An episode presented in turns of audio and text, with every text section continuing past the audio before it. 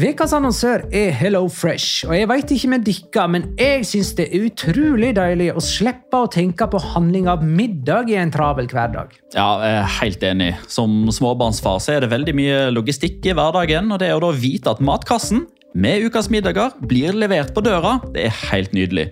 Da slipper du impulskjøp på butikken når blodsukkeret er lavt, og når du kommer hjem, kan du bare ta ut posen med dagens ingredienser fra kjøleskapet og sette i gang matlaginga.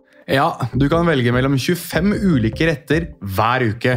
Og de har faktisk en egen kategori som heter Raskt og enkelt, med masse enkle og gode oppskrifter. Veldig greit å ikke måtte ty til takeaway hver gang det er hektisk på jobb.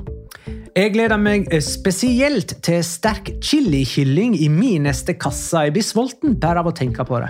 Ja, Det er ikke feil med bacon og cheeseburger heller, da. Og det som også er bra, er at matkassen koster det samme hver uke, som gjør det enklere å holde matbudsjettet. Ja, og så blir det ikke matsvinn heller, fordi du får akkurat det du trenger til hver eneste rett. Hello Fresh kan absolutt anbefales, og bruker du koden vår, LIGALOCA, kan du få opptil 1779 kroner i rabatt på de fem første matkastene hvis du ikke har prøvd Hello Fresh tidligere. Du kan også prøve koden hvis du har avslutta abonnementet ditt for tolv måneder siden eller mer. Gå inn på hellofresh.no og bruk koden LIGALOCA. Bon appétit! Hallo? Jeg kommer fra Oslo politikammer. Ine Jansen er purk. Er du purk? The motherfucking bitch. Alt jeg vil, er å finne ut hva som skjedde med mannen min. Jon Carew. Er jeg sikta for noe? Iben Akeli. Det er du. Ole So, Lars Berrum og Big Daddy Karsten. Hvem sin side er du på, egentlig? Anette Hoff, Tone Danielsen, Kommer du fra Afrika? Jørnis Josef, Nesten. Kløfta. Trond Espen Seim. Det er synd å si det, men det var feil mann som døde. Purk. Premiere tirsdag på TV2 Play.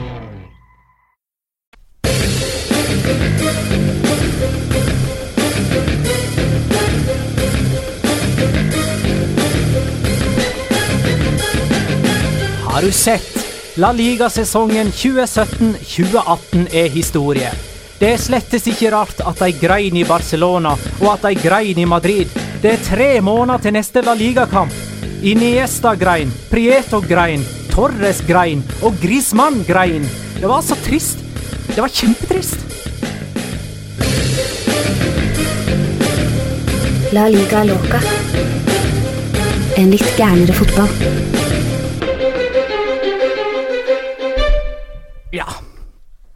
Dette er La Liga Loca episode 38 av det ordinære slaget med meg, Magna Kvalvik. Hei. Og deg, Jonas Giæver. Hei. Hei. Og deg, Petter Wæland. Hei. Hallo! Um, du har blitt veldig brun, Petter. Takk. Jeg har blitt sånn middels brun. Jonas, du har sittet inne hele helga. Ja, jeg har eh, ikke blitt like brun som uh, Pjotr Wæland på eh, Men du har brune øyne.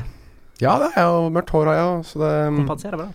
Ja, jeg vil si det. Det er litt sånn eh, Bare vent til jeg blir sånn ordentlig det, Når jeg blir brun, så blir jeg sånn deilig gyllen, uh, crispy Da blir du Deilig. Da blir jeg deilig. Men var det virkelig det som var mest iøynefallende med Jonas nå fra forrige gang? Nei, han har ikke Ole Brumm-genser. Det har jeg heller ikke. Så han heller ikke har det vokst ut litt igjen. Han har jo en, en halv meter mindre skjegg nå, da. Ja, jeg har barbert meg. Ja, du så ryddigere ut. Litt yngre ut. Ja, jeg blir, eh, jeg blir sånn 14 år yngre når jeg fjerner skjegget mitt. Ja. Litt mer lik på Bordala- Bordalas igjen nå enn uh... Ja, men det, det som er problemet når du har det skjegget, er nummer én at det blir så ekstremt varmt. Og nummer to at det blir I mitt tilfelle så får jeg veldig uryddig skjegg. Så jeg må stå og bruke så lang tid på å øh, gre det og putte voks i det og det som er. For at det skal ligge ordentlig. Ellers så bare stikker det ut i alle kanter og bart i munnen og det som er. Så det, det er et herk. Og når, i tillegg, da, når jeg tillegg svetter så mye som jeg gjør på sommeren, så er det bare skit, for å si det sånn. Har du noe middel mot flass? Det er ikke noe mer enn at du, du bruker sjampo og vasker det godt. Ah, ok. Ja, for når jeg leter det, gro litt, grann, så flasser jeg så jævlig. Gjør du det? Ja, så, men eh, noen klarer seg fint uh, uten uh, hjelpemiddel for å få bukt med det problemet. Ja, Det gjør ikke jeg. hatt så lenge, vet du. I denne episoden skal vi snakke om farvel eh, til flere sentrale spillere. Vi skal snakke om Real Madrids generalprøve, må vi vel kunne kalle det. Eh, vi må òg eh, si et ord eller to om Atletico Madrids eh, europaligatriumf. Og ikke minst den bekrefta spanske troppen til VM i Russland 2018. Men eh, skal vi begynne med eh, The Big Farewells. Eh, de hadde jo en bra regi på sine avskjeder, Torres og Iniesta, først og fremst ved å på en måte annonsere det ganske tidlig. sånn at vi fikk god tid til å si farvel, i tillegg til at det, det var null betydelige kamper i siste serierunde. sånn at egentlig så handla alt sammen om dem. Ja, sånn sett så var det perfekt timing av og for de to. Og så, eh, Unnskyld for at jeg avbryter, men de kunne jo feire med trofé. Sin avskjed. Ja, begge kunne jo det. Uh, I motsetning For at jeg husker um, altså den, den nye håper jeg, trenden når de har sånne storslåtte avskjeder. Det er jo nettopp det, det er en ny trend, for det gjorde man ikke senest med, med Chavi, Raúl, Casillas. Alle de type legendene gikk jo nesten ut bakdøra. Eh, altså Mm. Alle visste at Chavi spilte sin siste kamp når han spilte sin siste kamp. Fordi det var en dårlig skjult hemmelighet, men den offentlige liksom bekreftelsen Men jeg husker kom etter den siste kampen. Ja. Casillas ga beskjed før, men han, der var det litt sånn uenigheter mellom han og klubben. De var liksom ikke best friends akkurat der og da, så da ble han sittende på dette podiet med denne benken helt alene, og så ble han takka av av Peres i etterkant. Det var vel det at han egentlig ville bli værende, men så skjønte han selv at han ble frøst ut av klubben. Og så var det jo det som var Man snakket om i Spania, at han Det var så sym symbolsk at han ble sittende alene. At Mm. det var faktisk bare han igjen alene. Jeg husker jeg skrev en blogg, eh, blogg om det. Aleine der satt han. Husker jeg at jeg Ja, var ok, ja. ja. Så jeg har sikkert lest den. Det- litt, uh, Det var jo inspirasjon. Faktisk en trist avskjed. ja, det var jo faktisk en han trist satt, avskjed. han satt der og gråt alene, og det var eh, Altså Hvis vi skal sammenligne litt her da med, med Iniesta og det storslagne som uh, foregikk ute på Camp Nou, og disse videoene vi har sett nå i etterkant, og hvis ikke du har Hvis ikke vi alle tre har i hvert fall, i hvert fall vært nære ved å bry- bryte sammen et par ganger og sett de videoene, så er det veldig Det er, ikke, det er ikke mye empati i det rommet her, holdt jeg på å si, men eh, å sammenligne det med det vi så fra Casillas den gangen, det er jo natt og dag, altså. Hvor, hvordan man kan hylle, men samtidig også prøve å undergrave virkelig eh, to av de største klubbikonene. Eh, legendene. Altså var, man kaster begrepet ikon og legende litt sånn rundt omkring, men Casillas i Real Madrid og Iniesta i Barcelona, det, du får det ikke så særlig mye større enn de to, altså. Du gjør ikke det. Eh, men eh, skal vi snakke litt om Fernando Torres, eh, kanskje sånn aller først. For det at eh, hans karriere i Atletico eh, er egentlig en, eh, ganske sånn betegnende for Atletico Madrids utvikling. For da han reiste i 2007 Det eneste han hadde vunnet, var segundadivisjon. Eh, og publikummet på Vicente Calderón ønskte egentlig at han skulle gå, fordi at han var så god og så kjær for dem at de unna han å vinne ting, og det kunne ikke han i Atletico Madrid. Ja, det, det er sant. det, Og så møtes de liksom på slutten igjen. På, eh, på tampen av hans karriere, og så blir han liksom med på å vinne noe igjen. Det er jo, Ringen ble jo på mange måter slutta da. Og når han dro til Liverpool, så ja, altså Han reiste jo fra de. Eh, jeg ser at det er liksom noen Real Madrid-supportere som forsøker liksom skitne til eh, det siste inntrykket av Fernando Torres med at ja, men han var ikke noe one club man, og han forlot i 2007 og sånt. men Sannheten er jo at, eh, at han på mange måter har vært med på å bygge opp det laget som Diego Simione har utvikla, for de pengene som han fikk for Fernando Torres, og som han sjøl sa i sin avskjedskonferanse den gangen, for elleve år siden. Det er med tungt hjerte han drar, men han drar med visshet om at de nå har muligheten til å bygge noe videre etter at han har gått, fordi de fikk så mye penger for han. Fordi altså Den overgangssummen som de fikk da, altså Hadde de fått det i 2018, så hadde det vært liksom, ok, et nytt, eh, et nytt spillersalg. Mm. Men, men på den tida så var det veldig mye penger. Og det la grunnlaget for eksempelvis den Europaliga-triumfen i 2010, som var starten på dette, som Diego Simione da så voldsomt har klart å videreutvikle. Han avslutta karrieren som uh, Atletico-karrieren, vel å merke, som kaptein. Eh, med to skåringer, og det virka som om hele laget ønsket at han skulle skåre òg, for når Korea kommer alene med keeper så, altså, Det er nesten sånn at han er forplikta til å slå den pasningen. Ja. For eller, skårer han der sjøl, så trenger ikke han å juble med supportere, i alle fall. Antagelig. Nei, så I og med at Atletico Madrid var sikra den andreplassen, eh, fordi Real Madrid avga poeng eh, kvelden før, det, det betydde litt for dem, tror jeg, å havne foran eh, Real Madrid. Jeg tror det betydde mer i positiv forstand for Atletico enn at Real Madrid liksom er skuffa og indignert over det, pga. Mm. Champions League-finalen som kommer. Eh, men sånn rent bortsett fra, fra det å sikre andreplassen, som da allerede var eh, et faktum, så var det jo kun én ting som betydde noe som helst for alle som var på El Metropolitano denne kvelden. her. Det var å ta farvel med Fernando Torres Mm. med scoring.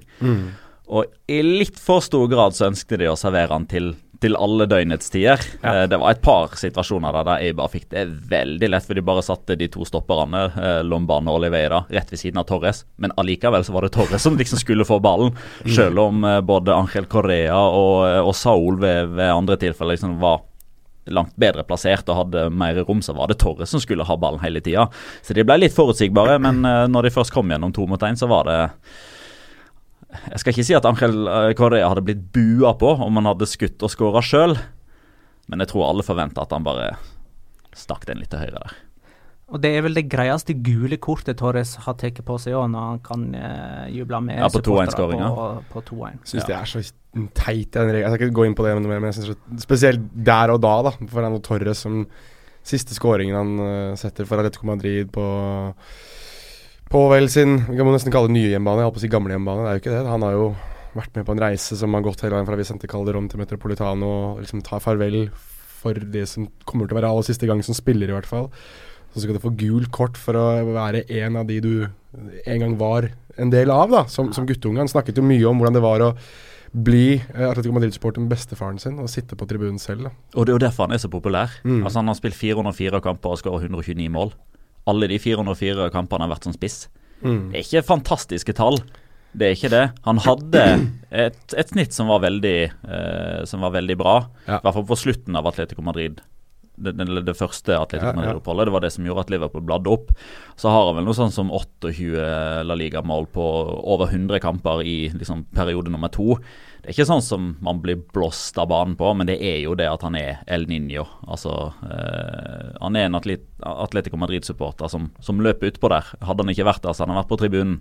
Han er derifra, og alle kan identifisere seg med han. Han forstår eh, alle, disse, alle disse uttrykkene. da, altså Atletico Madrid-supporterne har jo enkelte ting som kaller det slagord. liksom, altså typ, De skjønner ikke hvordan det er, eh, med henvisning til Real Madrid-fansen. som Han har jo òg fortalt denne historien der han var i, eh, på barneskolen. Så var det 23 eller 24 i klassen hans. Han var den eneste som hadde Atletico Madrid-drakt. Ja. Liksom Bare det å, å, å kunne forklare den følelsen, det er det mange Atletico Madrid-supportere som kjenner seg igjen i. Og derfor er han jo så populær.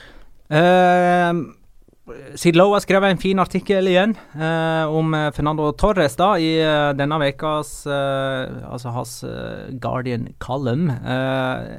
Jeg, tenk, jeg trekker fram et par ting derifra som jeg syns er interessante. Fernando Torres skåra sitt første Atletico-mål med Jean-Francois Hernandez på laget, og skåra sitt siste Atletico-mål med Lucas Hernandez på laget. Han er sønnen til Jean-Francois. Og han avslutta sin karriere med å feire et trofé på Neptuno, og der var han første gang som elleveåring og feira La Liga-trofeet i 1996. Med Simione som spiller. Med Simione som spiller. Eh, men apropos eh, eh, Europaligatrofeet. Det ble en Sånn som jeg ser det, overraskende solid seier mot eh, Marseille i finalen. Jeg tenker Atletico Madrid har egentlig de har sjelden utklassingseiere, men dette var egentlig ganske utklassing. Eh, og Grismann skåra to ganger. Og så lurer Johan Bjerkreim, Lars Urke og flere eh, med dem på hva er greia med Grismann, som eh, ble bua på nå i helga på eh, Metropolitano, og vel tørka noen tårer i samme slengen.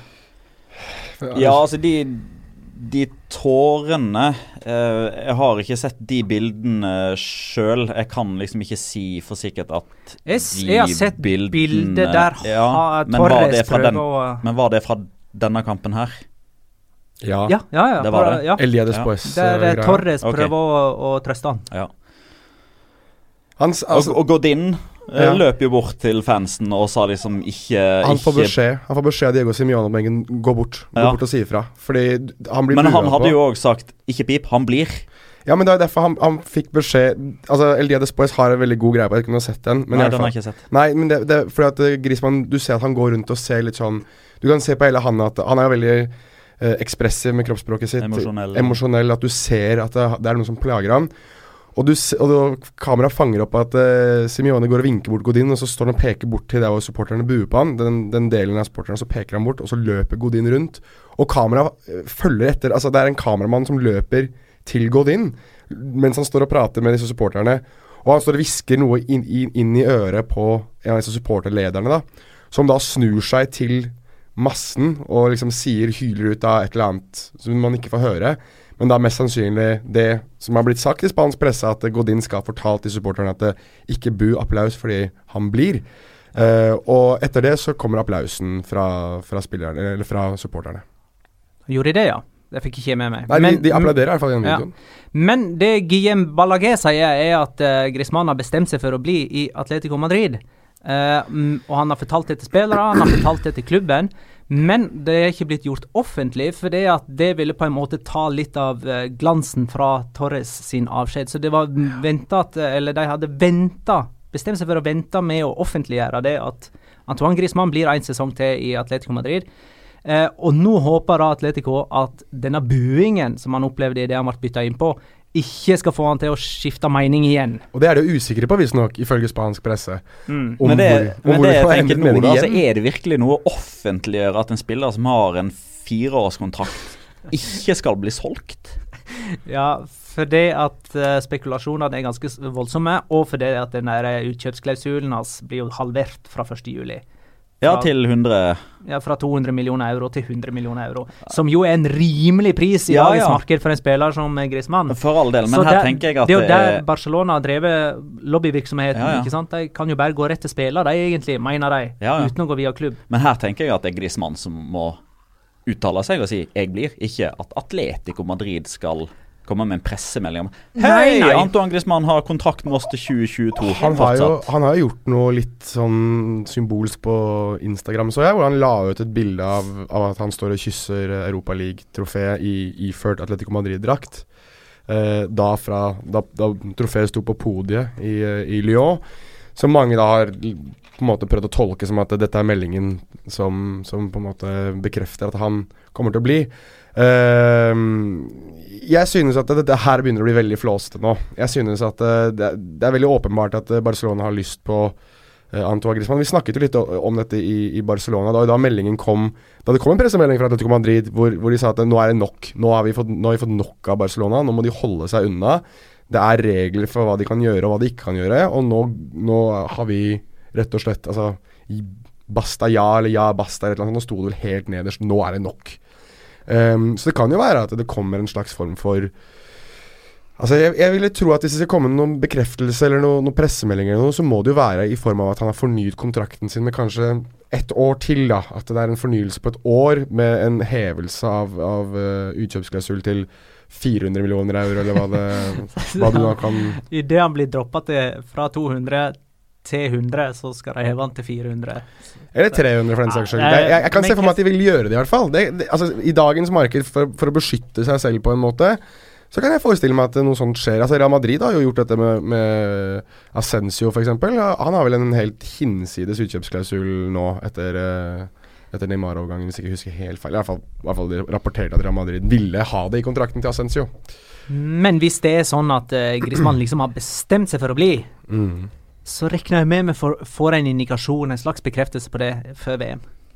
Ja, Det gjør vi. det, det må man jo. Og så tenker jeg sånn hvis, hvis, hvis han da har bestemt seg for å bli, altså endrer man mening fordi man blir bua på?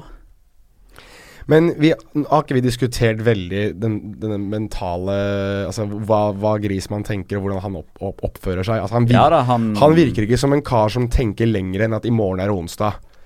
Han gjør ikke det, altså. Jeg må, jeg må være såpass ærlig. Og, jeg, og vet du hva?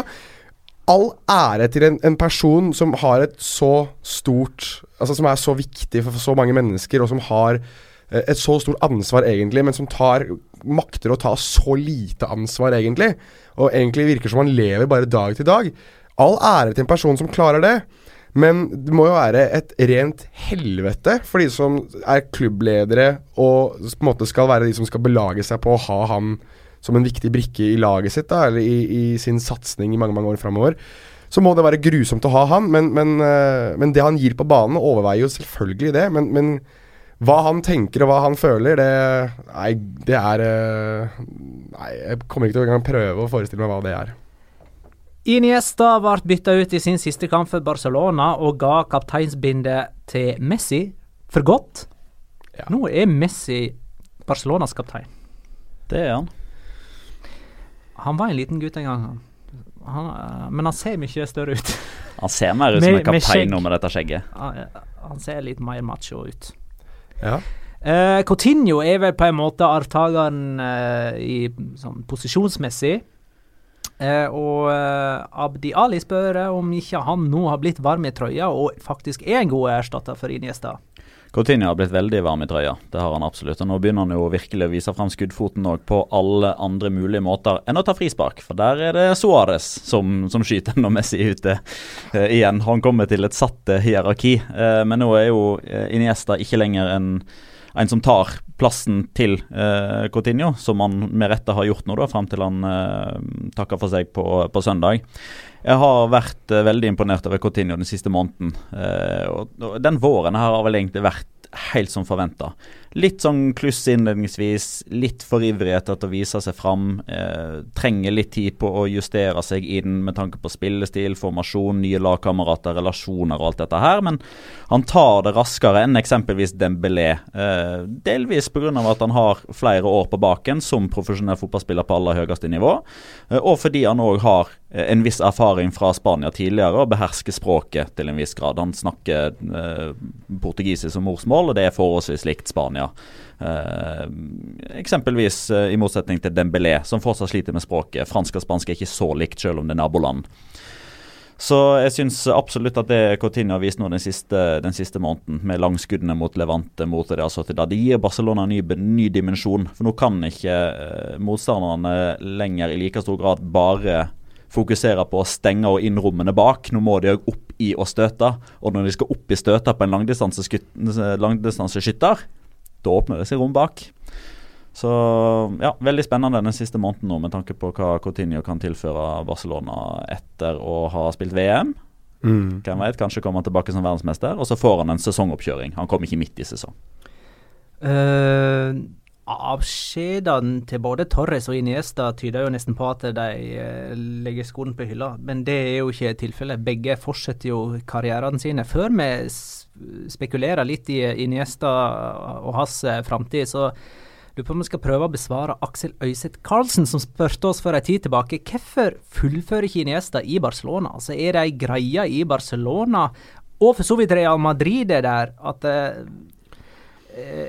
for Raúl gjorde det samme, reiste mm. fra Real Madrid. Casillas, Xavi, eh, Iniesta og nå Torres, begge to muligens enten til Asia eller USA. Jeg veit ikke hva eh, som skjer. Men eh, Iniesta er jo en sånn en som da f.eks. ikke kommer til å bli invitert til samme mes for å bli hedra som en sånn one club player, som han jo egentlig er. Jeg tror at det har noe å gjøre med at de spillerne du nevner, spesielt uh, Iniesta, uh, Raúl og Chavi, i hvert fall de tre, er tre spillere som har vært oppvokst, flasket opp i samme system, sett de samme menneskene i år inn og år ut, levd på nesten på samme måte i noen av de i 20 pluss år. Altså, det er jeg kan forestille meg at det er utrolig gøy å være del av en såpass vinnerkultur og, og være en del av noe så stort, men jeg tror også at det tærer veldig på deg. At det Du får uansett hvem du er, uansett hvilke, slags, altså hvilken del du er av noe, så, så har du lyst på en forandring, en utfordring. Og eh, jeg, tror at, jeg, tror at, Iniesta har lyst til å se noe nytt, leve noe nytt. Eh, være en del av en ny kultur, være en del av noe som han kanskje bare har hørt om i det fjerne. Og han har Hvis han fortsatt har et par år igjen hvor han kan være en del av det gjennom fotballen, som er, som er hans yrke og som er hans levebrød, så tror jeg det er noe som appellerer til han. Jeg synes det er Eh, ganske påfallende at han velger eh, Vi skal snakke litt, eh, litt om det etterpå, sikkert. Men han kom, ser ut til å velge Asia eh, istedenfor å ha vel sagt at han ikke vil eh, spille i Europa, for han har ikke lyst til å møte, møte Barcelona. Han har ikke lyst til å stå på andre banehalvdel fra Barcelona. Um, og, og jeg tror det rett og slett er nysgjerrighet. Jeg tror det er eh, en lyst til å se noe annet og leve noe annet enn det han har gjort i 20 år. Og så tror jeg òg det har noe å si at Altså Fernando Torres har jo ikke valgt dette sjøl. Han får ikke forlenga kontrakten med Atletico Madrid, og han er 34 år. Nei, det er derfor jeg sier altså, Raúl, Casillas Nei, ikke Casillas, Raúl, Xavi og, og Iniesta er de tre som på en måte har på mange måter gått ut frontdøra, da, hvis vi kan si det på den måten. Jo da, men uh, altså både Torres og Iniesta er 34, og det er liksom det sentrale i mitt svar på hvorfor de ikke bare legger skoene på hylla. Altså De har fortsatt mer Ja, å gi, sånn, men de har Ja. ikke Mm. mer å gi. Altså Iniesta er dønn ærlig med seg sjøl, og alle andre. Han har ikke det samme å tilby Barcelona nå som han hadde for to, tre, fire, fem år siden. For han Mm. kunne valgt å fortsette hvis han ville. Han har en livstidskontrakt, eller muligheten til å signere ettårskontrakt så lenge han lever. Så lenge han sjøl føler at her er det verdt å, å fortsette. Men han vil gi seg på topp. Ja. Men han er ikke ferdig som fotballspiller. Og så er det vel kanskje noe med nettopp disse spillerne at de ønsker å være på topp 100% gjennom en hel sesong. Og det, når de ikke er i stand til det lenger, da er de på en måte Da er ikke de eh, Da hører ikke de til på dette nivået, mener de sjøl antagelig. Det er jo en litt sånn overraskende ærlighet i seg selv, da, som jeg syns er Ja, det fin. kan uh, være det, altså. Er det Kina eller er det Japan nå på Iniesta? Nei, si det. Det tror jeg ikke han helt uh, har eh, kontroll på sjøl. Altså, først så var man jo veldig sikre på at det var Kina, eh, og disse uh, ja, Chiang Chiangyang. Ja, disse der. Ching chong bing bong. Eh, som, eh, som i tillegg da skulle, betale for masse vinflasker Ja, og sånn i, i sign-on-fee og sånn type ting. Men så, men så gikk plutselig presidenten i den kinesiske klubben ut og sa at eh, nei, dette blir ikke noe av likevel. Og det som, det som virker mest sannsynlig akkurat nå, er jo Wissel Kobe i Japan. Mm. Um, men eh, den som lever, får se. Jeg tror eh, Iniesta har hatt vanskelig for å bestemme seg, egentlig. Jeg tror han bestemte seg tidlig for eksempelvis Asia. da Mm. Eh, og det som det òg må liksom tas med her, da at eh, det er liksom veldig mange som tenker sånn Ja, men Iniesta har ikke han penger nok? Hvorfor skal han gjøre dette?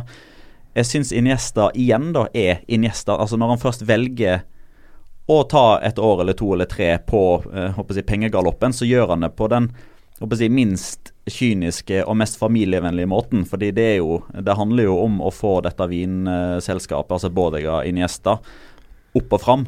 Som gjør at ja, altså Iniesta har til salt i grøten uansett. Han kunne lagt det opp på flekken nå og likevel levd som en konge resten av livet. Men ved å ta dette valget, så sørger han for at disse pengene her blir enda større i familiebedriften, som gjør at eh, i stedet for at det kanskje er tre-fire generasjoner som kan leve godt på det, så er det fem, seks, sju, kanskje åtte.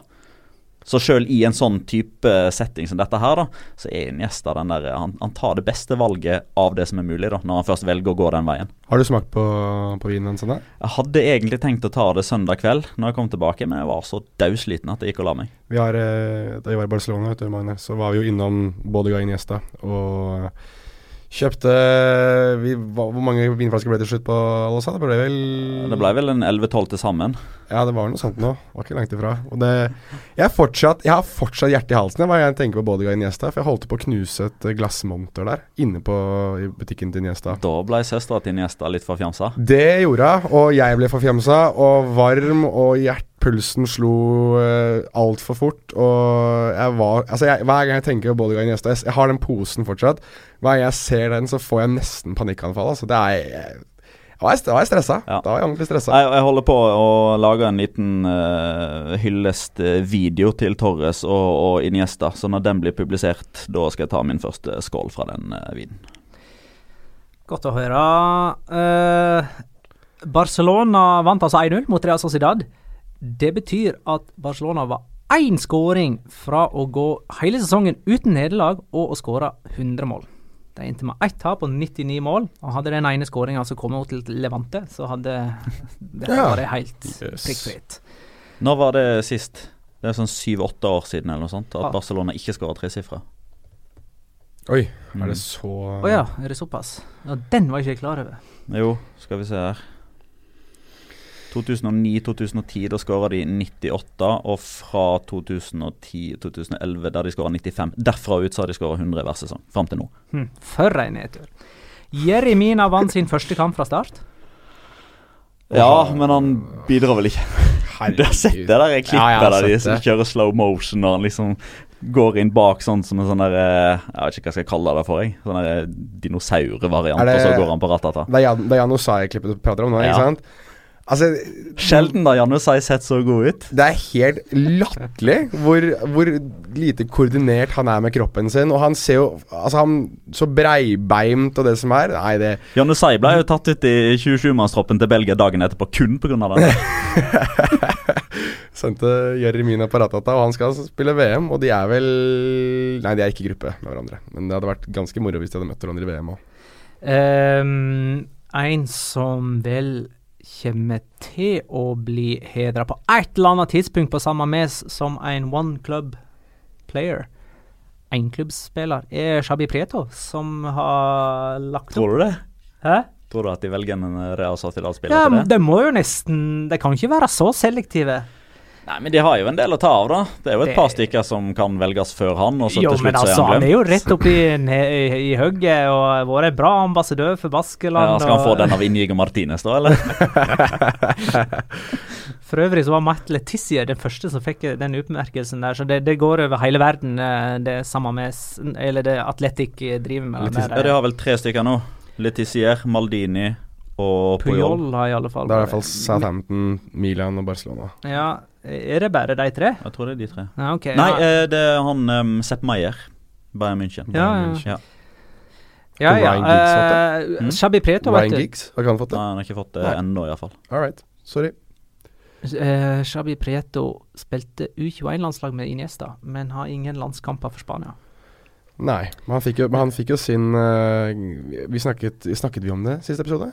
At han fikk uh, Hvordan Real Sociedad hedret han? Ja, ved å uh, ha han på, som klubblogo. Ja, i en, alle spillerne hadde Ja. det, foruten han, som hadde fortsatt logoen til Real Sociedad. Ah, ja. Og da var jo eh, på en måte catchphrasen, som du kaller det, var det at eh, du har båret oss Du har båret vår logo i hele din karriere, så i en kamp skal vi bære deg på brystet.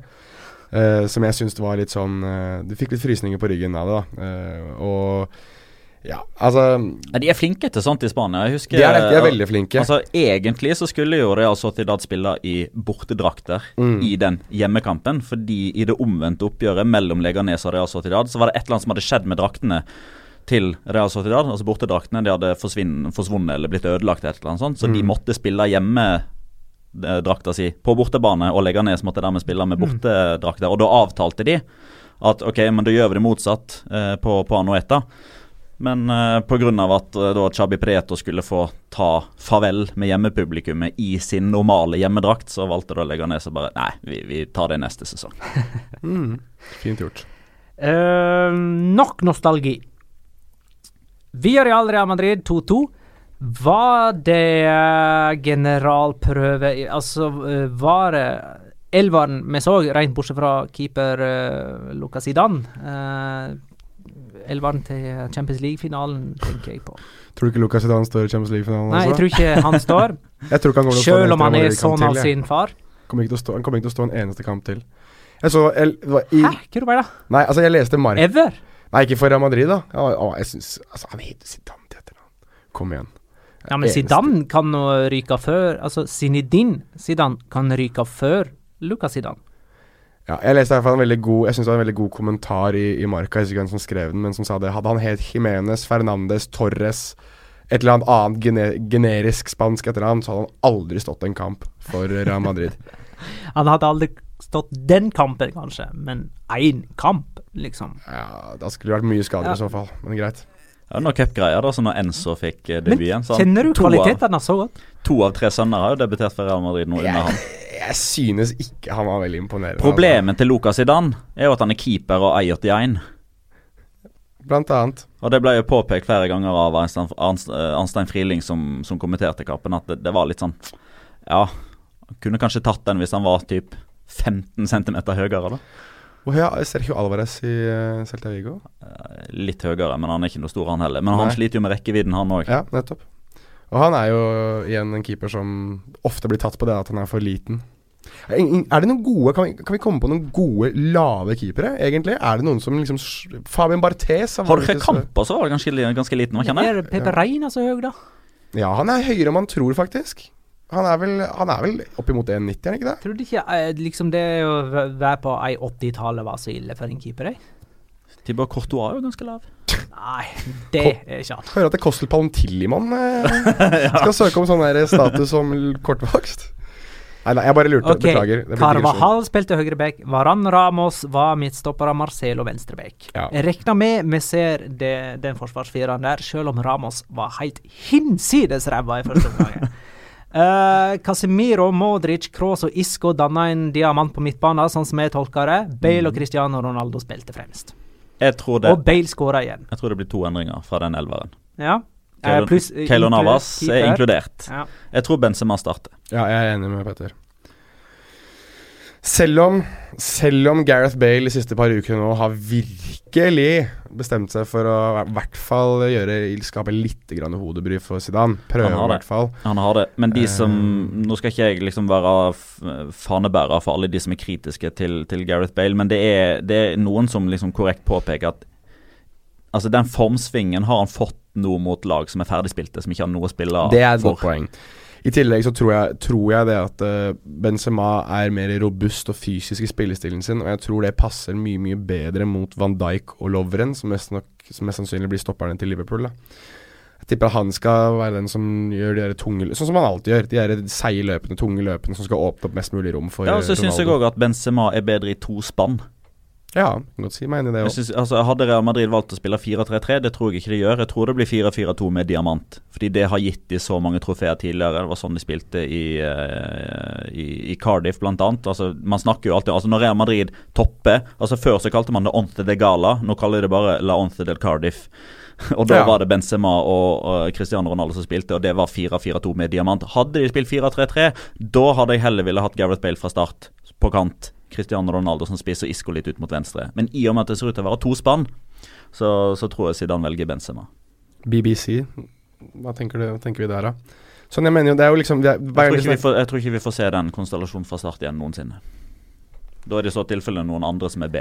Er det siste kampen til Bale, eller som Real Madrid-spiller? Ja, Enten han eller Benzema. Jeg kan ikke forstå at begge blir. Jeg er litt usikker på hvem av de to som går.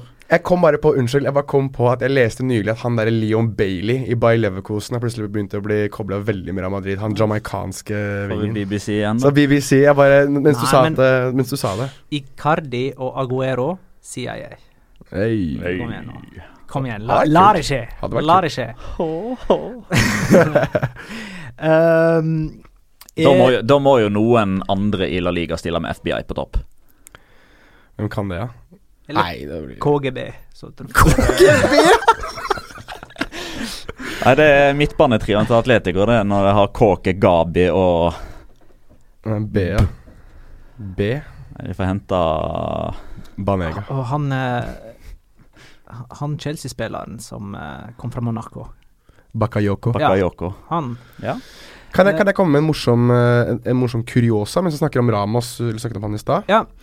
Han kan faktisk uh, bli uh, Skal vi se uh, Den syvende, men de, alle, alle disse andre her har spilt i samme, på samme lag. Man kan bli den syvende spilleren som vinner Altså EM, da, eller Europamesterskapet, både for klubblag og for landslag på samme stadion. Hvis han vinner nå i Ah, Kiev. Mm.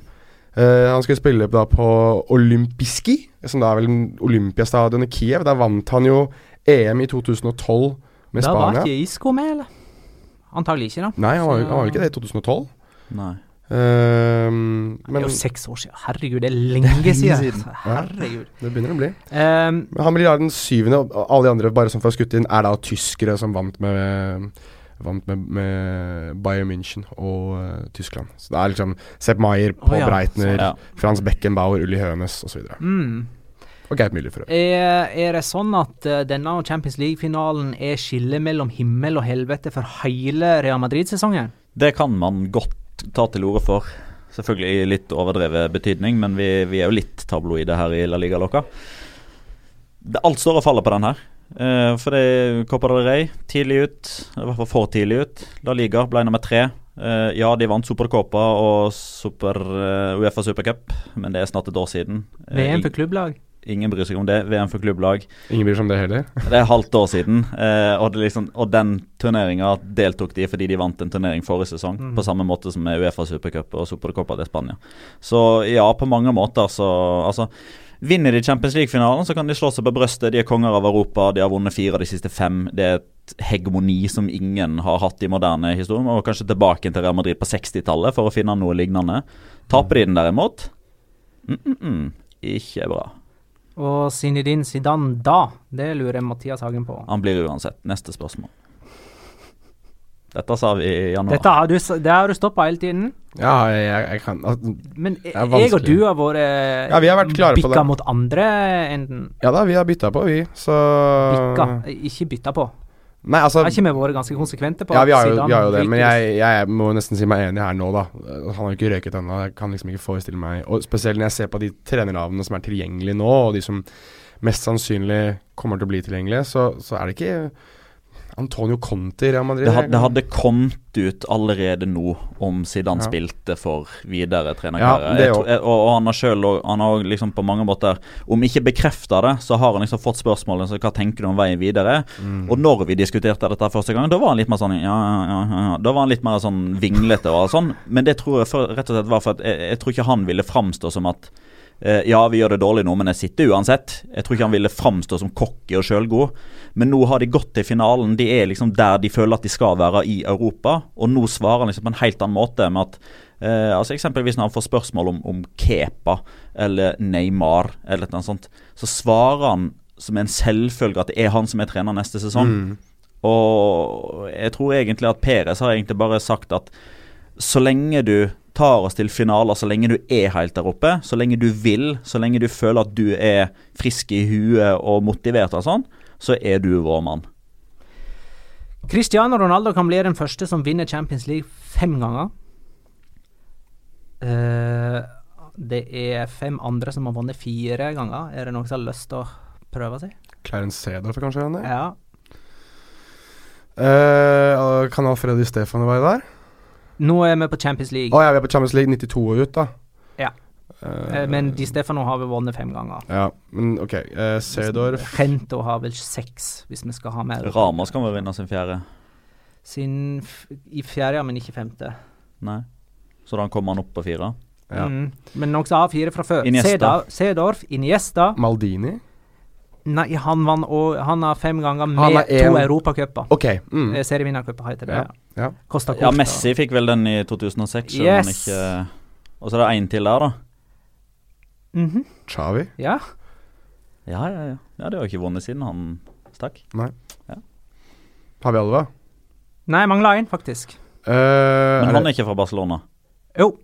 Han òg? Mhm. Fra 2006 til Piqué? 2015. Ja, for han har en Med United, United. i- Ah, en liten luring. En liten luring. Liverpool har på sine tolv kamper i Champions League, altså fra og med gruppespillet, 42-11 i målforskjell. De har skåra 3,5 mål per kamp. Det har blitt 4,5 mål i hver Liverpool-kamp. Og de er imponert i hver runde, med 5-0 mot Porto, f.eks., i åttedelsfinale. To seire mot Manchester City i kvartfinale. 5-2 hjemme mot Roma i semifinale. Og så eh, den andre sida av Liverpool i returoppgjøret. Uh, Real Madrid har 30-15 på sine tolv kamper. To og en halv skåring per kamp, altså. Én mindre i snitt per kamp enn Liverpool. Ja. Jeg leste noe litt, litt, noe litt oppsiktsvekkende angående denne finalen her. Uh, jeg, jeg, jeg altså, ingen aning om hva denne siden her er, men jeg tror at det er en ganske stor egyptisk side. De har 341 000 følgere på Twitter. elali.com. Uh, som, som tydeligvis har fått det bekreftet at eh, Mohammed Salah skal faste i 18 timer før Champions League pga. ramadan. Det er jo nå- ramadan nå. Ramadan er jo i gang, og både Mohammed Salah og Sadio Mané er jo muslimer, og faster under ramadan. Så det at de skal da faste før Altså Vanligvis så er det jo sånn med fotballspillere at de venter med fastingen til etter sesongen, men siden det er så tidlig Og de skal jo være med i VM. ja, Så de prioriterer vel, da. De kan vel ikke Ja. droppe begge? Nei, jeg vet ikke. Men jeg syns, det er ganske oppsiktsvekkende at eh, den største stjerna til eh, Liverpool skal fast Altså, jeg bryr meg ikke om hvem du er, men når du skal faste i 18 timer, så er du Du kommer til å være ganske Man sliten da. Man har noen visse friheter òg i disse periodene, har ikke man det? da? Med dispensasjon pga. Altså, av yrkeskarriere uh, og alt det der. Det jeg vet, er at de veldig mange muslimske spillere som, som spiller fotball under ramadan, gjerne får en slags form for dispensasjon av en imam, f.eks. Om at det er greit at uh, altså, du får lov til å ta At du får lov til å spise og oppføre Holdt på å si det Eller være, være idrettsutøver på heltid. Da. At du får lov til å drikke og, drikke og spise og restituere som vanlig. Men at du da må da sette av tid når du da har ferie. Men det kan jo være som Petter påpeker her, at, uh, eller var det du som sa at det er et VM her, og de har faktisk ikke muligheten til å ta denne pausen som de vanligvis ville tatt. Eh, og både Egypt med Salah og Senegal med Mané skal spille VM. Så det kan rett og slett være det at eh, de har bestemt seg for at eh, Vel, det er et VM, vi skal representere landet vårt. Salah for første gang siden 90, eller 1990 skal Egypt spille VM, og Mané har vel aldri spilt et VM, han heller. Så det kan være at de rett og slett har sagt at vel, da må den Champions League-finalen ryke litt, altså. Dette, er jo, dette har ikke nådd England og Norge ennå. Jeg har i hvert fall eh, ikke sett uh, noe Altså, jeg, jeg må jo være såpass Altså, jeg, vet, jeg har aldri hørt om elali.com før, men jeg, jeg trykker på det. Det ser ganske legit ut, det greiene her. Det kan godt være at de lurer meg, men hvis det der er sant, uh, så er det helt sykt, syns jeg, at de får lov til det. Men, uh, men altså, hei jeg, Er det noen eh, muslimer på Real Madrid eh, sånn i farten? Uh, Nei, Øzil er vel den forrige Øsil var, var uh, muslim. Lassana Diarra var muslim. Uh, Benzema er ikke muslim, er han det? Der har han i hvert fall uh, har han Der brutt, har han der han brutt, brutt en del regler i hva angår. Det er mye haram han har bedrevet, for å si det sånn. Uh, Ashraf Hakimi er ja, kanskje det muslim? var han, da. Men han skal Ja, Det må være. Hakimi i så fall, men jeg tror ikke det gjør noe at han faster. for å si det sånn. jeg tror ikke han skal spille, jeg heller. Men um, det er greit. Eh, vi skal tippe på denne kampen her seinere i eh, episoden. Det skal vi. vanskelig. Eh, før vi går på landslagstroppen til Spania, så må vi snakke litt om trenere. Mm. Uh, Men, kan, men kan jeg bare ta én ting til i forbindelse med Champions League-finalen? Selvsagt. Fordi altså, jo mer jeg tenker over det, jo mer blir jeg jeg håper å si, eh, usikker på om jeg har rett. Fordi altså, den, den store duellen i denne kampen her, altså der Liverpool kan ta Real Madrid Ja. Ja, trioen- Angrepstrioen til Liverpool mot Ramos, eller? Nei, mot Barcelo. Eh, altså, Ja, ja, Ja. det er jo Og, det, og, det tenk, og da har jeg fått ganske mange spørsmål på, på Twitter, eller egentlig typ påstander om at dette bør Real Madrid gjøre noe med. De bør liksom eh, legge om spillestil og formasjon og, og taktikk og, altså for, liksom, for å forsøke å stoppe Sala. Fordi stopp, stopper man Sala, så stopper man Liverpool. Men der tenker jeg og der vil jeg gjerne ha deres mening. Eh, jeg jeg syns rett og slett ikke det, jeg. For det, ja, Mohammed Salah er fantastisk god, men han er Han kommer til å være fantastisk god uansett, for han er i sitt livs form. Eh, hvis vi da si, går ut ifra at han er like god i Champions League-finalen som han har vært tidligere, da, eh, om vi bare glemmer dette ramadan-snakket for et lite eh, sekund Hvis det ikke er, hvis det ikke er sant, ja. Han kommer jo til å være like god uansett om Marcelo liksom blir stående eller ikke. Mm. Og, og, det har vært mye snakk om Marcelo, og ja, han, han sluntrer unna defensivt av og til. Han løper ikke alltid opp i, opp i press i ballfører og stopper innlegg. Og ja, han står litt høyere enn en de andre. Nå mot Viareal sto han faktisk lavere og opphevde offsiden på eh, 2-2. Men jeg tenker som sa at hvis Real Madrid går på akkord med seg sjøl, og ikke er Real Madrid i en finale Altså Real Madrid er Real Madrid når de ikke tar hensyn til motstander. Når de bare spiller den fotballen som de pleier å gjøre.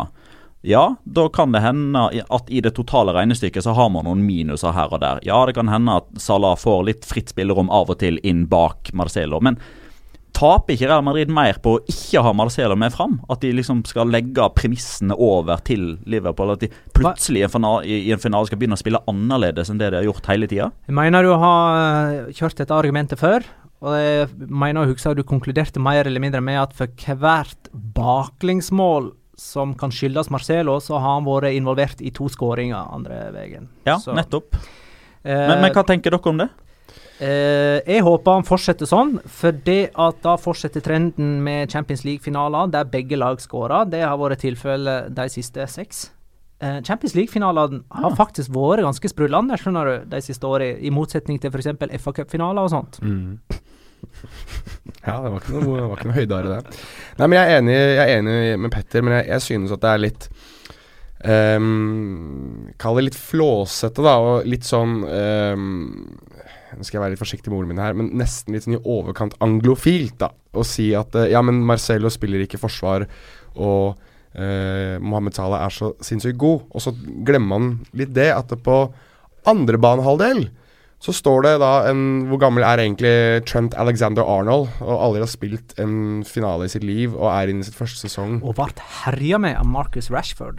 Og nå er det mest sannsynlig Cristiano Ronaldo som kommer til å søke ut det rommet der i en del uh, ganger i kampen. Og hvis Marcelo overlapper, eller kommer på innsida av, av Ronaldo, så er vel spørsmålet i like stor grad hvor dypt må Salah spille for å passe på at ikke Alexander Arnold blir stående helt alene med de to der, som er to spillere av ypperste, ypperste, ypperste verdensklasse. For hvis de to da får lov til å herje der, og Salah ikke skal spille forsvar, så må enten Liverpool fjerne en mann fra midtbanen sin og spille enda dypere, og da mister de kontroll. Eller så må enten Loveren eller Van Dijk skyve over, og da er det plutselig masse rom sentralt inne foran målet til Liverpool. Så det er litt det derre ja, du får masse positivt med Mohammed Salah, og jeg er kjempepositiv til Salah og positiv til den trioen til Liverpool. Jeg syns det er en fryd å se de spille fotball, virkelig. Men jeg synes at man snakker litt for mye om hvor positive de er offensivt, og hvor kanskje de skorter defensivt. da. Og Spesielt når de da møter et Real Madrid-lag som har for vane og det å kunne klare å plukke av mange av de beste forsvarerne i i Europa. Altså Jeg husker hvordan man snakket om at ja, dette Juventus-laget her er så solide defensive. Real Madrid kommer aldri til å finne en vei gjennom det der eh, ekstreme forsvaret til Juventus. Kommer til å, kommer til å, Juventus låser igjen, og så scorer de på Real Madrid, og så er kampen over. Skåret vel fire mål mot uh, Juventus, som da også ha, hadde Gianluigi Buffon i mål, som jeg fortsatt, selv om han er 40 år nå, mener er bedre enn både Loris Karius og Simon Mignolet, kanskje til og med til sammen. Um, så jeg er liksom jeg, jeg, synes ikke at det er så clear cut at uh, Liverpool skal kunne klare å valse over Real Madrid, men jeg synes det er synes, ja, Men Er det noe som mener det, da? Oh, altså Jeg har hatt så mange de siste par ukene som har vært klare på at Ja, men Real Madrid er så dårlig i forsvar. At, det, at Liverpool er så gode i angrep at uh, Ja, ja, så blir det 5-4 til Liverpool, da. Og da blir jeg sånn ja, okay, ja, men da var det liksom typ bare valse over eh, reagert litt på, da. Altså Når jeg hører valse over det, tenker jeg at de vinner. liksom Nei, nei, nei ikke sånn at, at, de så, at Liverpool skårer så mye at de kommer til å skåre mer enn Real Madrid. Fordi Real Madrid er så dårlig i forsvar. Og ja, Liverpool er det òg, men Real Madrid er visstnok enda verre. Og der har vi runda 50 minutter. Da passer det å diskutere trenere. Vi kommer altså tilbake til tippe, tipping av denne kampen i, helt mot slutten. Pellegrini skal til Westham. Han har signert tre år for 70 millioner kroner i året. Eh, Westham lova lover en signering av stort eh, kaliber etter avskjeden med David Moyes. Uh, og dermed så er Sevilla utkonkurrert og må gi opp Manuel Pellegrini. Litt kjipt. Ja, jeg, jeg hadde sett fram til en uh, retur for Pellegrini til, til Spania. Altså den, den, kommer før eller siden, det har han sagt sjøl. At han vil tilbake igjen til La Liga. Men det er klart, uh, heftig paycheck, da. Kan du sette på en ekstra null bak det Leganes hadde tenkt å tilby han i så fall? For jeg tipper det var 7 millioner kroner, og ikke 70. Så det er klart at eh, Nei, men altså, han eh, har jo vunnet Premier League tidligere. Eh, Første... Jeg tror vel ikke det blir hovedmålsettinga til Westham, men uh, altså God signering, da, for all del. Ja, altså, jeg syns det er kjempegod signering Westham. Er ikke Westham en god en her? Er ikke ja, ja. denne god? Kaosklubben Westham. Det er nok det beste, den beste signeringen de har gjort på trenersiden på ja, Bilic var ikke så verst sånn den gangen, Nei, men, egentlig. Men, men det er på lang sikt ikke det. Nei, men sammenligner du Manuel Pellegrini og Slaven Bilic, så det er, det er nesten som gammel Peugeot ja, ja, altså, Corriere, liksom. Ja, ja, altså du har en uh, Premier League-vinner og en Real Madrid-trener, uh, mm. Pellegrini kontra, kontra Bilic. Den er ganske soleklar, og det er Altså, Han hopper jo ikke etter Wirkola. Altså, Moyes gjorde liksom den jobben han var satt til å gjøre. og Det tenker jeg at det er ganske mange Westham-supportere som er takknemlige uh, overfor Skrotten over at han liksom klarte å redde kontrakten. Men jeg tror òg de er ganske liksom De er ganske komfortable med å si uh, farewell akkurat nå. Og det å få inn Pellegrini det, det, Da har man i alle fall forutsetningene for å gjøre det bra. Da tror jeg, da tror jeg i hvert fall ikke man kan bare kikke ned på sidelinja og se at eh, der er årsaken til at vi ikke gjør det bra. For nå får de en trener som er fantastisk, som har, som har masse rutiner, som har vist at han behersker forskjellige måter å spille fotball på. Men så Man veit jo aldri, da. Altså det Ja, altså være trener i England, du kan være så god du bare vil, men noen ganger så funker det bare ikke fordi press, forventninger eh, du Altså, det å være tre, altså, Nå skal Pellegrini plutselig altså, nå, altså Jeg vet jo at de har en, en eier som er veldig eh, dedikert og involvert i overganger osv. Men han vil jo få mer å si i en engelsk klubb enn eh, en, en spansk klubb, eksempelvis, hva angår det å være en del av det å plukke spillere som man skal signere. Det blir sagt at han skal få full, styr, full styring på det der. Uh, Da blir det første gang Kan, kan hende han hadde det i City òg, men det hadde han ikke i Real Madrid, ikke i ikke i Villarreal, ikke i Malaga. Ja, nei, eh, jeg veit ikke Han endte vel Jesus Navas og Avaro Negredo? Men han vil jo han, Det er jo han eh, Malaga-direktøren blir jo òg linka til dette her. Ja, Mario Osios. Ja, ja. eh, som de jobber som Ja, han jobber stemmer det. De skal få en rekrutt... En sånn der- Så at han, han vil jo ikke sitte alene med det ansvaret, men han får liksom bestemme hvem som i det minste skal ha del av det ansvaret, da. Ja. Og at det ikke bare er liksom eier. Ja, men det er kult. Westham har fått en eh, ekstra eh, interessent kommende sesong i meg. Ja, og han, han tar på en måte over den klubben når, når han ligger på en måte nesten på sitt laveste. Altså, det kan ikke gå lenger ned. Uten at man rykker ned. Uten at man rykker ned, da. Men uh, med Pellegrini så, så går det ikke lenger ned. Den eneste ikke-europeiske treneren som har vunnet Premier League? Hvis jeg ikke husker Det kan stemme Åh, Nå må vi til å tenke sånn. Jo, men jeg har lest det samme. Ja, For det er vel bare portugisere, italienere og skotter. Spanjoler, skotter Spanjoler. Ja. Uh, men eh, eh, en tidligere Sevilla-trener, Unai Emeri, skal visstnok være klar for Arsenal, som dermed er favoritter til å vinne Europaligaen de neste tre uh, årene. Spør du meg, så har Westham gjort uh, det gode valget her. jeg bare informerer lytteren om at uh, det blikket Petter Wæland sendte bortover uh, rommet her nå, det har ingen Arsenal-fan lyst til å se. Ja, nei men, det, nei, men det var fordi jeg så for meg at han uttalte navnet på sin nye klubb. For det har jo annet gjennom et par av de som Oyer Fano, eh, som vi har eh, name-droppa et par ganger i La Liga Loca nå. Et par av de som han følger, er liksom veldig opptatt av at eh, Unai Emery sliter litt med å uttale eh, R. Eh, så det blir som Uggsnell. Det var derfor det blikket liksom kom. For jeg oh, ja. så for meg at Unai Emery It's a pleasure to be here in Uggsnell. Eirik Strøm Pedersen, Emery, Emery til Arsenal. Kan ikke gå bra. Ja, men der har du det. Han er Valencia-supporter og kjenner til Emeris trenergjerninger. Um, Ja, men altså, for, å, for å snu litt på det, da. Kan det hende at det er nettopp det Arsenal trenger nå? For han, han er jo for å snu litt på det fra negativ holdning her Ja. til en positiv. Ok, vær så god. Han er jo helt åpenbart veldig flink til å snakke for seg i jobbintervjuer. eh, Når han nå har eh, Altså, greit, han, han starta i Lorca, den er grei. Han må starte et sted. Almeria, helt ok. Valencia, der gjorde han det helt ok i begynnelsen. Eh, De ble nummer tre hver eneste sesong, men de tok ikke noe steg. De nærma seg ikke. Når de hadde muligheten, så gjorde han et par bytter på stillinga 2-1, så ble det 2-2. Det var gjennomgangsmelodien med Unai Emery. Da leder de 2-1, og det ble Ja. baklengs. Ja, riktig. riktig. Um, og så var det dette rare oppholdet i Spartak Moskva som ikke funka i det hele tatt. Og så fikk han jobben i Sevilla. Gjorde det veldig bra i cupene, dårlig i serien. Der var det sånn sjette, tiende, åttendeplass uh, i, i den duren. Og så kom Sampaoli, bang opp på fjerdeplass. Og, og, og mye, mye bedre i den aller første sesongen. Og, og PSG Altså, han har jo ikke gjort det noe bra i PSG. Altså, ja, altså, Neymar har vært bra, Di Marie bøtt inn mål, men han vant ett av to trofé der det, det skal være to. All ære til Monaco, de gjorde en kjempesesong, men et normalt PSG-lag tar enda flere poeng enn Monaco, Ja, ja, ja. selv om Monaco var så gode som de da var, både i. Europa og i, og i seriespill. Men i Champions League så har det jo vært total fiasko. La meg spille djevelens advokat her da og si det at uh, det som er Hvis, hvis Arsenal-fans som sitter og gjemmer seg i puter og det som er, uh, mens de hører på dette her Det er, noen påpeker, er jo det at uh, Raúl Sanjeli, som kom fra eh, Barcelona, og Sven Mislintat, som kom fra Borussia Dortmund, som da er sportsdirektør eller director of football eller hva det er, altså Sanjeli, og så er Mislintat er han som, er liksom head recruiter, som skal hente inn spillere. De har jo på veldig mange måter Arsenal har gjort en omveltning i, i hvordan de nå eh, deler ut makt innad i klubben. Altså Først så satt Wenger med alt, og nå skal dette, dette deles mellom tre ulike mennesker. Det er jo noe som Ona Emery kjenner veldig veldig godt fra spesielt tiden i Sevilla med Monchi.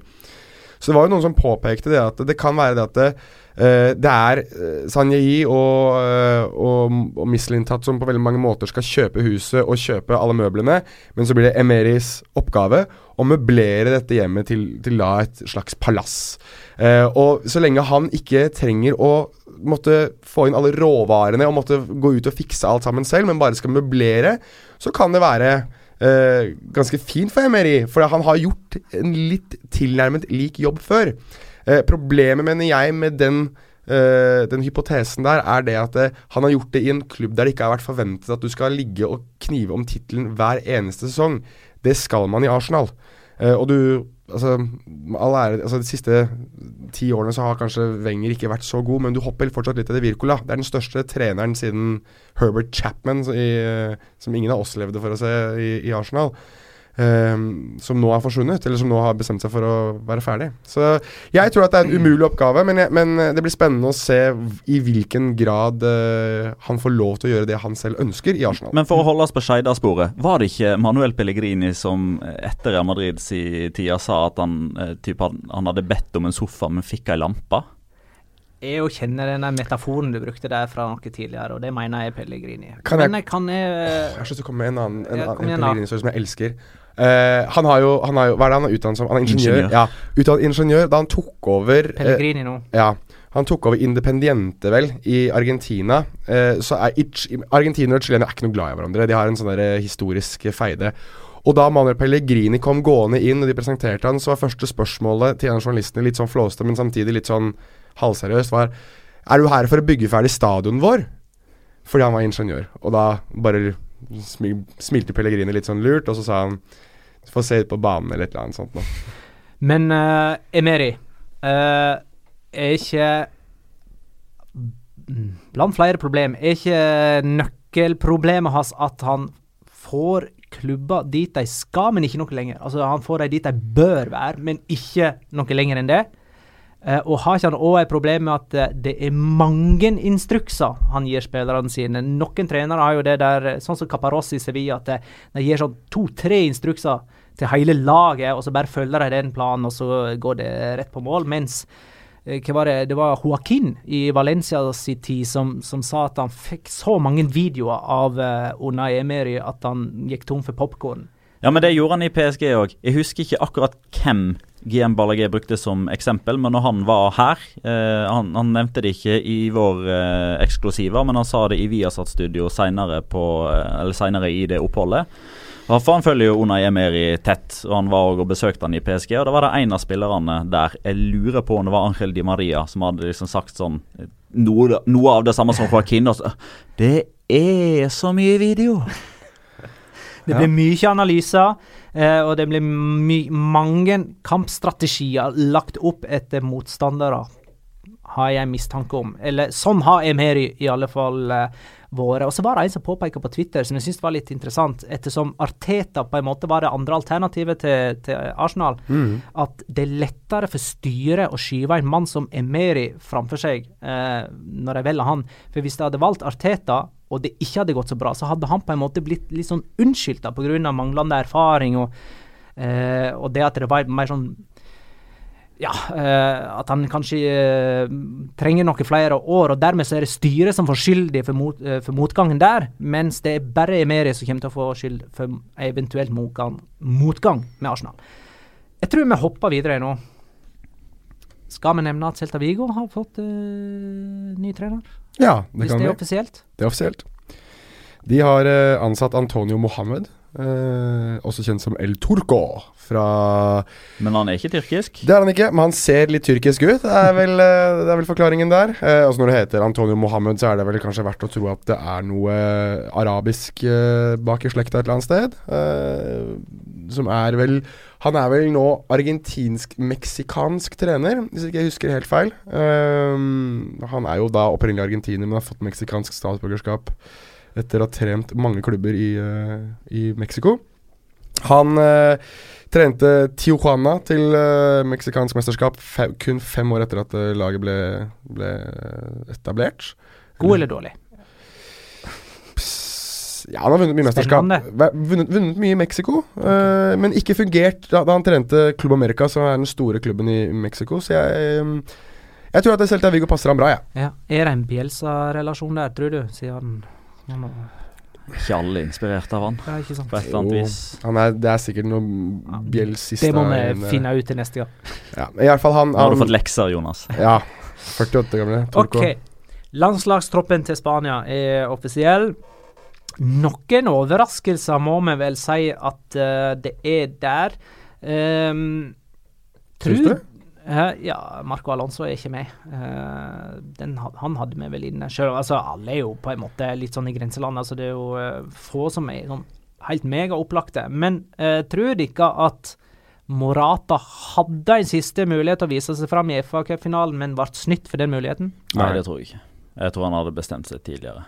For min del så hadde det virka litt, litt rart om en landslagssjef liksom setter seg ned en eh, lørdags eh, ettermiddag tidlig kveld for å se en FA FA-cupfinale.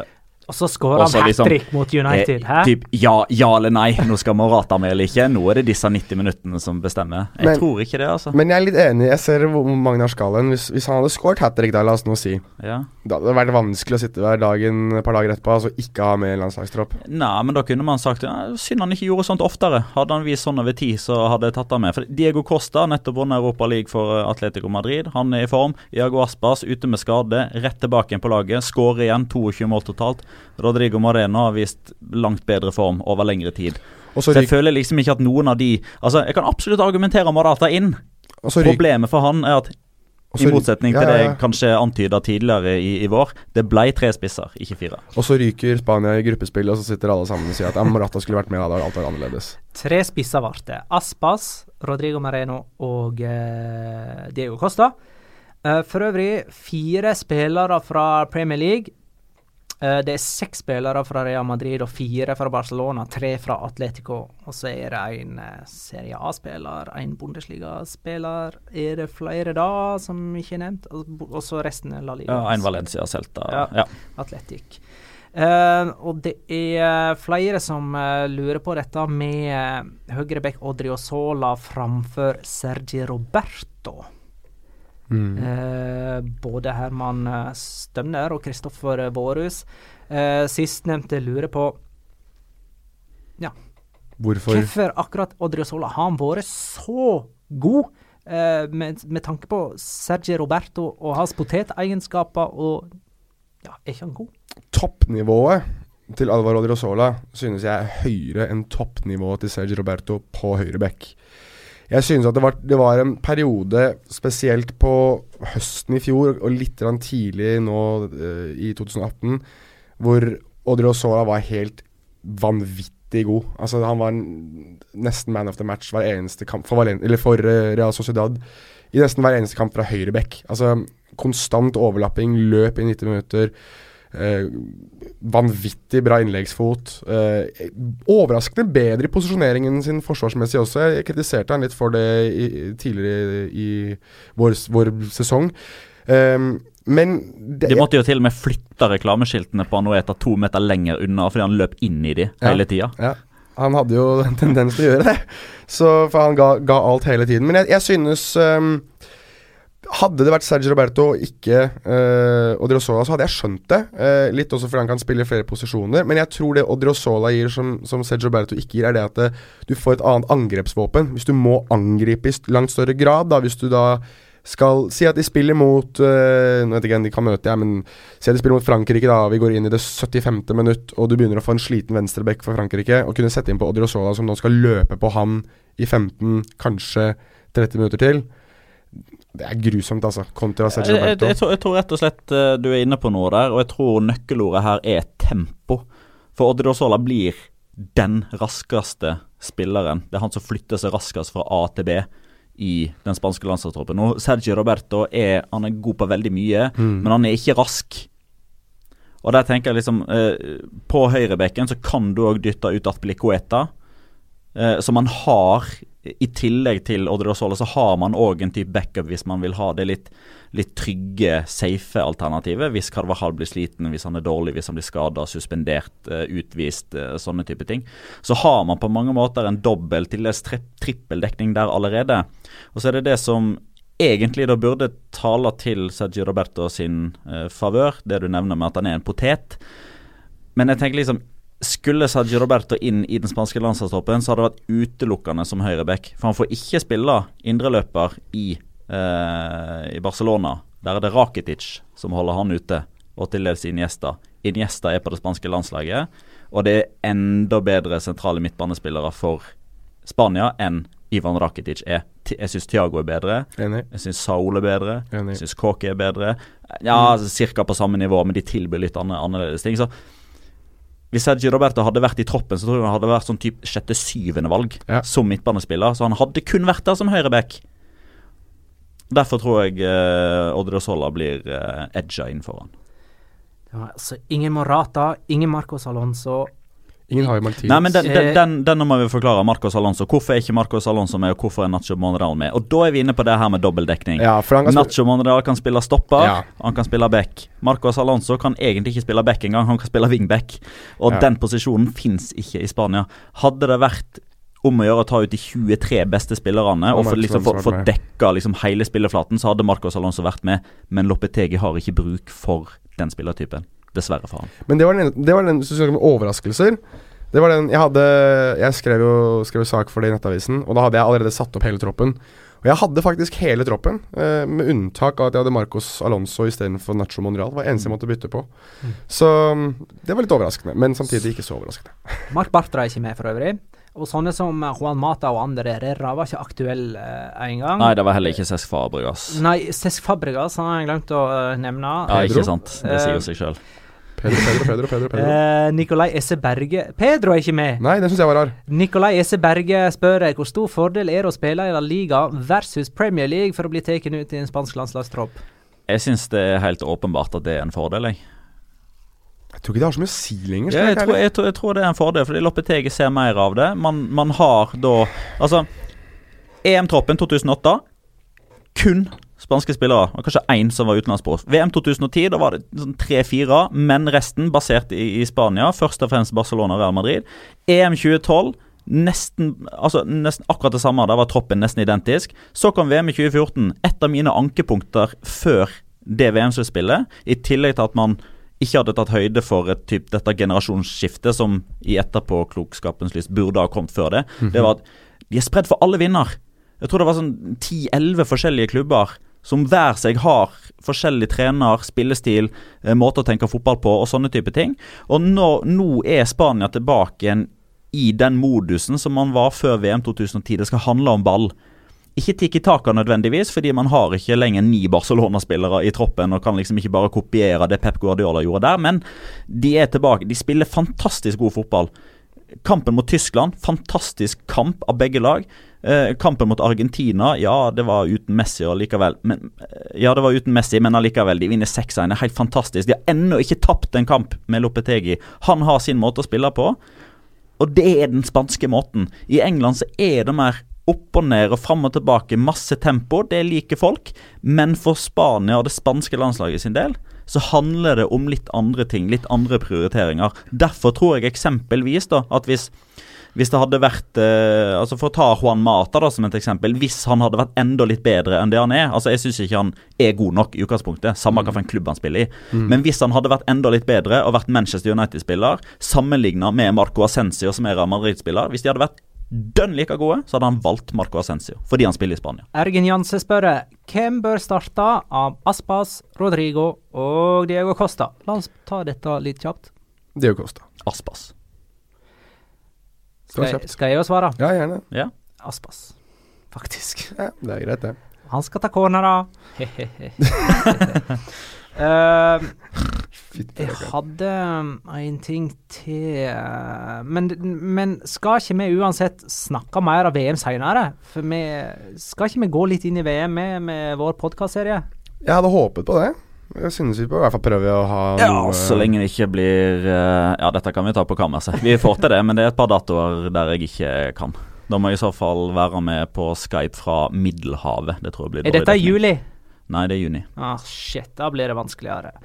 Ja, Men vi kan ja. ta en annen dag enn mandag, da, vet du. ja, det, Dette tar vi på kammerset. Det Ja. kommer noe VM-greier. det kommer noe VM-greier. Smått og stort nå fra den siste veka. Jeg skulle si en ting til. Okay. Noe annet som kommer. Eh, som folk må titte oss om og sånt. Og hva dere har lyst til å se, og hva de skal ta med. Vi skal jo ha en sesongoppsummeringsepisode Neste mandag. neste mandag. Og da vil vi veldig gjerne at folk skal komme med tilbakemeldinger på hva vil dere vi skal snakke om. Er det noen kåringer dere vil ha? Alt dere ønsker i oppsummeringen som vi skal diskutere, send til oss på Twitter. Jeg tar et uh, siste spørsmål om uh, Spania her, fra Mm. Mathias V. Ekker. Hvem kommer til å skinne for Spania, og hvorfor blir det Iniesta?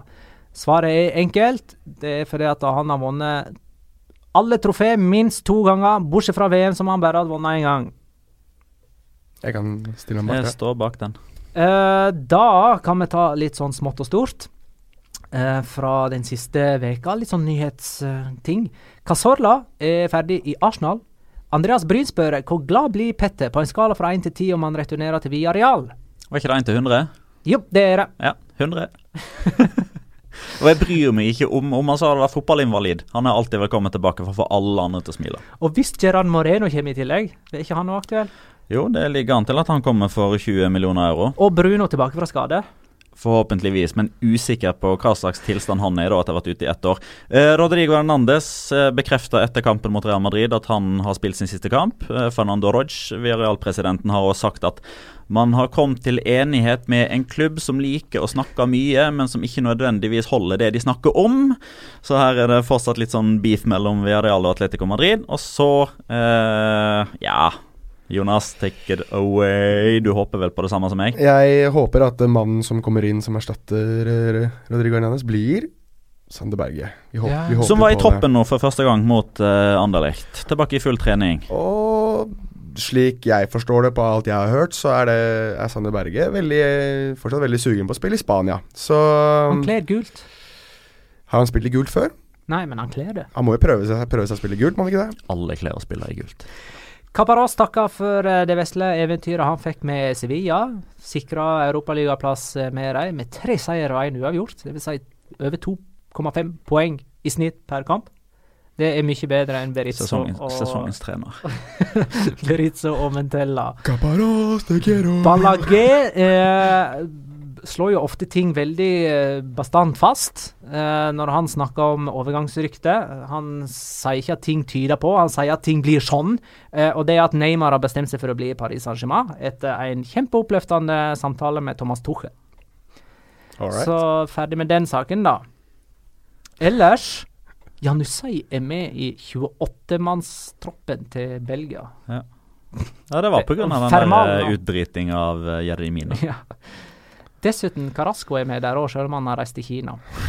Eh, for, lands, for Frankrike så er Benzema ikke med, men Steven Entonsi. Lucas Hernandez òg. Mhm. Kult, ja. Fram- Osman Dembélé òg, vel? Mm. Ja. Ja, ja, ja. Ja, Med mindre den skaden han fikk mot Real da det er såpass alvorlig at han må kaste inn håndkleet. Mm -hmm. Eimerick Laporte ble vraka til fordel for Adel Rami. Smak på den, da. Retafe har signert ny toårskontrakt med José Bordalas. Villarreal har signert en ny ettårskontrakt med Javier Calleja. Ja. Eh, Levante eh, begynner vel å bli et par uker siden nå, men eh, der fortsetter Paco Lopez. Alaves har forlenga med Abelardo. Eh, Leganes er på jakt etter ny trener. Asier Gaditano har sagt at han ikke fortsetter. Sevilla jakter ny trener. Der er det faktisk ganske få rykter. Det var snakk om Pellegrini, og det var vel egentlig det. Jeg ser noen eh, snakke om muligens Pablo Machin. Eh, Atletic Klubb har kommunisert at Siganda er ferdig. Der er det ikke en erstatter på plass. Det hviskes og tiskes litt om Eduardo Brizzo. Celta Vigo, det var vi inne på nå. Español ser ut til å velge Robi. Og det bringer oss over på en La Liga-debutant, for han er Uesca-trener. Og de er klare for La Liga. Mhm. Som Segway. førstemann. Da går vi til Segunda. To serierunder gjenstår, og Uesca med 5500 eh, tilskueres kapasitet på stadion sin er klare for Segunda og blir den fjerde La Liga-debutanten på de siste fem årene. Var ikke det sånn? Det er Eh. sånn, og det er jo hyggelig nok i seg sjøl, men de blir jo oppe alle sammen. Til slutt så kommer man til å ha en samla tilskuerkapasitet på Camp Nou pluss Santiago Bernabeu pluss Wanda Metropolitano pluss 30 000. Bare klubber med 5000 i snitt. Jeg kunne kun én spiller i den Wesca-troppen. Er, San, er Sandum lurer på det, hva er våre tanker om at det er så mange Askeladden-klubber i La Liga samtidig? For de rykker jo ikke ned Girona, Eibar, Leganes. Leganes. Mm. Hvem var den Ja, det er Uesca er den fjerde. Ok, ja. Mm. Ja, nei, uh, Nei. feller. Um, Det er jo gøy, da! Jeg syns det er kjempemoro. ja, det er veldig artig når eh, disse småklubbene tar imot storklubber er her på hjemmebane. Mm. Det er det faktisk. Det er vel- Og da er det tette, intime stadioner Ja, og det er vel- Eneste Aragon-klubben nå som er i, eh, er i La Liga, er det ikke det? Jo, Saragossa kan vel følge Ja, de kan rykke opp, de òg. mm. Så da har vi jo det er flere, flere regioner i Spania som er med. Så da er det jo muligheter for de som har lyst til å ta seg rundturer i Spania og se La Liga-kamper, eh, eller Primera División-kamper på flere, i flere regioner i Spania. Rayo Vallecano kunne sikre opprykk denne helga, men tapte 4-0 mot Alcorcon. Rayo, gjør det på Rayo-måten. jeg har hørt, jeg har hørt flere, flere Madrid-lag som taper mye mot Alcorcon. Mens to av eh, toerlag som Sevilla og Barcelona er på nedrykksplass. Sevilla er allerede klare for eh, Segunda B. Barcelona er to poeng bak eh, trygg plass. De kan f.eks. passere Cordoba, som jo var i premiera for eh, et par år siden, og eh, kan ta tunge veien ned til Segunda B. Da er det tid for Locora. Ukens La Liga Locura. Locura. Locura. Locura. La Liga Locura. Min Locora går faktisk til en Askeladden-kandidat, Eibar, som klarte uavgjort mot Atletico Madrid denne helga i avskjedskampen til Torres. Mens Real Sociedad tapte på kamp nå. Dermed er Eibar Baskelands beste lag framfor storheter som Real Sociedad og Atletic. Og så kom jeg vel fram til at det er sjette året på rad at Eibar klatrer, altså har en bedre plassering enn året før. Fra de var i Segunda B, rykka opp til Segunda, gikk rett opp i La Liga og tok en 18.-plass. Beholdt plassen pga. Elche. Og så en 14., og så en 10., og nå en 9. Det bare stiger oppover. Fantastisk. Alvarez Izquierdo dømte sin siste kamp i La Liga. Det er for øvrig mannen som i 15-16-sesongen viste 13 forskjellige spillere av banen. Det er det høyeste antallet i løpet av en La Liga-sesong eh, i moderne tid. Han hadde dømt 16 kamper denne sesongen, ikke vist ut noen. I avskjedskampen derimot, da hadde han eh, tydeligvis bare bestemt seg at her skal noen ut. Det trenger ikke være noe stygt. Det trenger egentlig ikke være korrekt heller Noen må gå. valgte Lucas Hernandez. Han måtte gå i dusjen for å Altså, han ble, vel egentlig sendt i dusjen for å ikke klare å forsvinne. Og dermed kollidere med Ivan Alejo. Så da ble det en utvisning på Alvarez Izquierdo i avskjedskampen. Og Skulle i dusjen for å Prikk, prikk. All right. Uh, jeg, får, jeg, jeg går videre til min, jeg. Eh, sesongen 2007-2008 er, skal vi tilbake til. Litt, uh, litt moro. eh. det er blant annet vel eh, Ronaldinho sin siste sesong i Barcelona. Uh, Champions League-vinner heter Manchester United, og Lionel Messi spiller med nummer 19 på ryggen. I Celta Vigo så er det eh, I 2007-2008 er det tre eh, spisser i klubben. Det er en herremann ved navn Rodrigo Moreno, som spiller på juvenilnivå. Det er en herremann ved navn Jago Aspas, som spiller for Celta B. Og på førstelaget finner vi Diego Costa. De tre skal alle sammen til VM nå for å representere eh, Spania. På det tidspunktet her så var jo Diego Costa fortsatt brasilianer. Han var jo ikke spanjol. Og da var han vel allerede sånn 26 eller noe sånt, kjenner jeg? Ja, et eller annet sånt noe sikkert. Men eh, litt moro at eh, to, eller tre spillere som spilte i Celta Vigo i 2007-2008, på tre ulike nivåer for Celta Vigo i 2007-2008, skal nå representere Spania som spisser. Cool. Tippingen. Eh, forrige kamp var Marseille, Marseille Atletico. Petter tippa 1-0-seier til Atletico med Grismann som eh, målskårer. Første målskårer. Det gir eh, tre poeng. Mhm. Oppe på 27. Jonas tippa 1-1, og hadde vel straffekonk til og med i Ja. planene der. Diego Costa som første målskårer. Det gir null poeng og 20 til sammen. Jeg tippa 2-1 til Marseille med Tauvin som første målskårer. Det er null poeng og ti. Jeg tror ikke jeg har tatt poeng de siste ti rundene. Men så driver jeg opportunistisk eh, tipping og har Men, lyst til men det som er så feil med det, Magna, er at den opportunistiske tippinga de vil uansett ikke gi deg mer enn den maksimale. Det er liksom ikke sånn at du slenger inn en høyoddser. Det er ikke sånn at du får 77 poeng pga. det crazy Nest- tipset ditt gikk inn. Neste gang skal vi ha oddsvurderinger òg med i eh, Det skal vi. Okay. Neste sesong. Jeg er med. Uh, jeg er lei av å tippe sist, så nå tipper jeg først. Real Madrid, Liverpool 3-5. Mm, Firmino er første målskårer. Ja, vet du hva, Hvis denne stemmer, så vinner du hele sulamitten. Det er helt så- greit. Har ikke vunnet pga. Levante-greia uansett. 3-5 til Liverpool eller Madrid? Hmm? Til- Liverpool eller Madrid? Hva var det du? Nei, Real Madrid er heimelag. Real Madrid, Liverpool 3-5. Så du tror Liverpool vinner? Ja. Okay, uh, ja. Firmino, første målskårer. Real Madrid, Liverpool 2-3. Du tror òg Liverpool vinner? Ja, jeg, jeg har en feeling på det. Jeg tror at ehm, Virgil van Dijk Så frisk. skårer eh, første mål. Virgil. Virgil? Real Madrid 3, Liverpool 1, Sala. Første målskårer. Den er grei. Da fikk vi jo litt variasjon her, da. Ingen ekstraomgang, tror vi. Nei, greit. Uh, neste mandag uh, går vi i studio for eh, sesongoppsummering og selvsagt betraktninger etter Champions League-finalen. Vi har allerede mottatt tips om sesongoppsummering som vi har notert, men vi tar gjerne imot flere òg. Um, kan jeg si en, en ting på slutten, for jeg vet vi kommer til å få nevnt det. Mhm. Eh, det er jo muligens hans aller siste kamp eh, i La Liga for denne gang, men eh, han, skal en, han skal få en ordentlig avskjed neste eh, episode. Men Norden Amrabat, matchvinner for Leganes med den mest amrabatiske skåringen du noensinne har sett i ditt liv.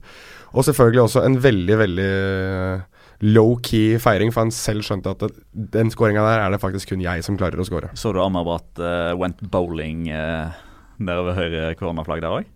Ja, jeg så det. Uh, Strike med fire BT-spillere som lå langs gresset. Han skal til VM, han. Både han og broren.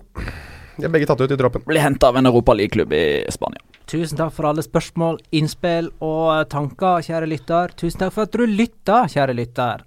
Ha det, da.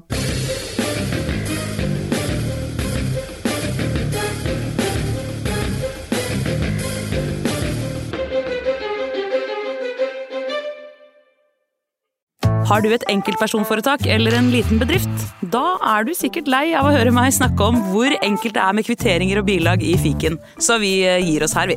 Fordi vi liker enkelt. Fiken superenkelt regnskap.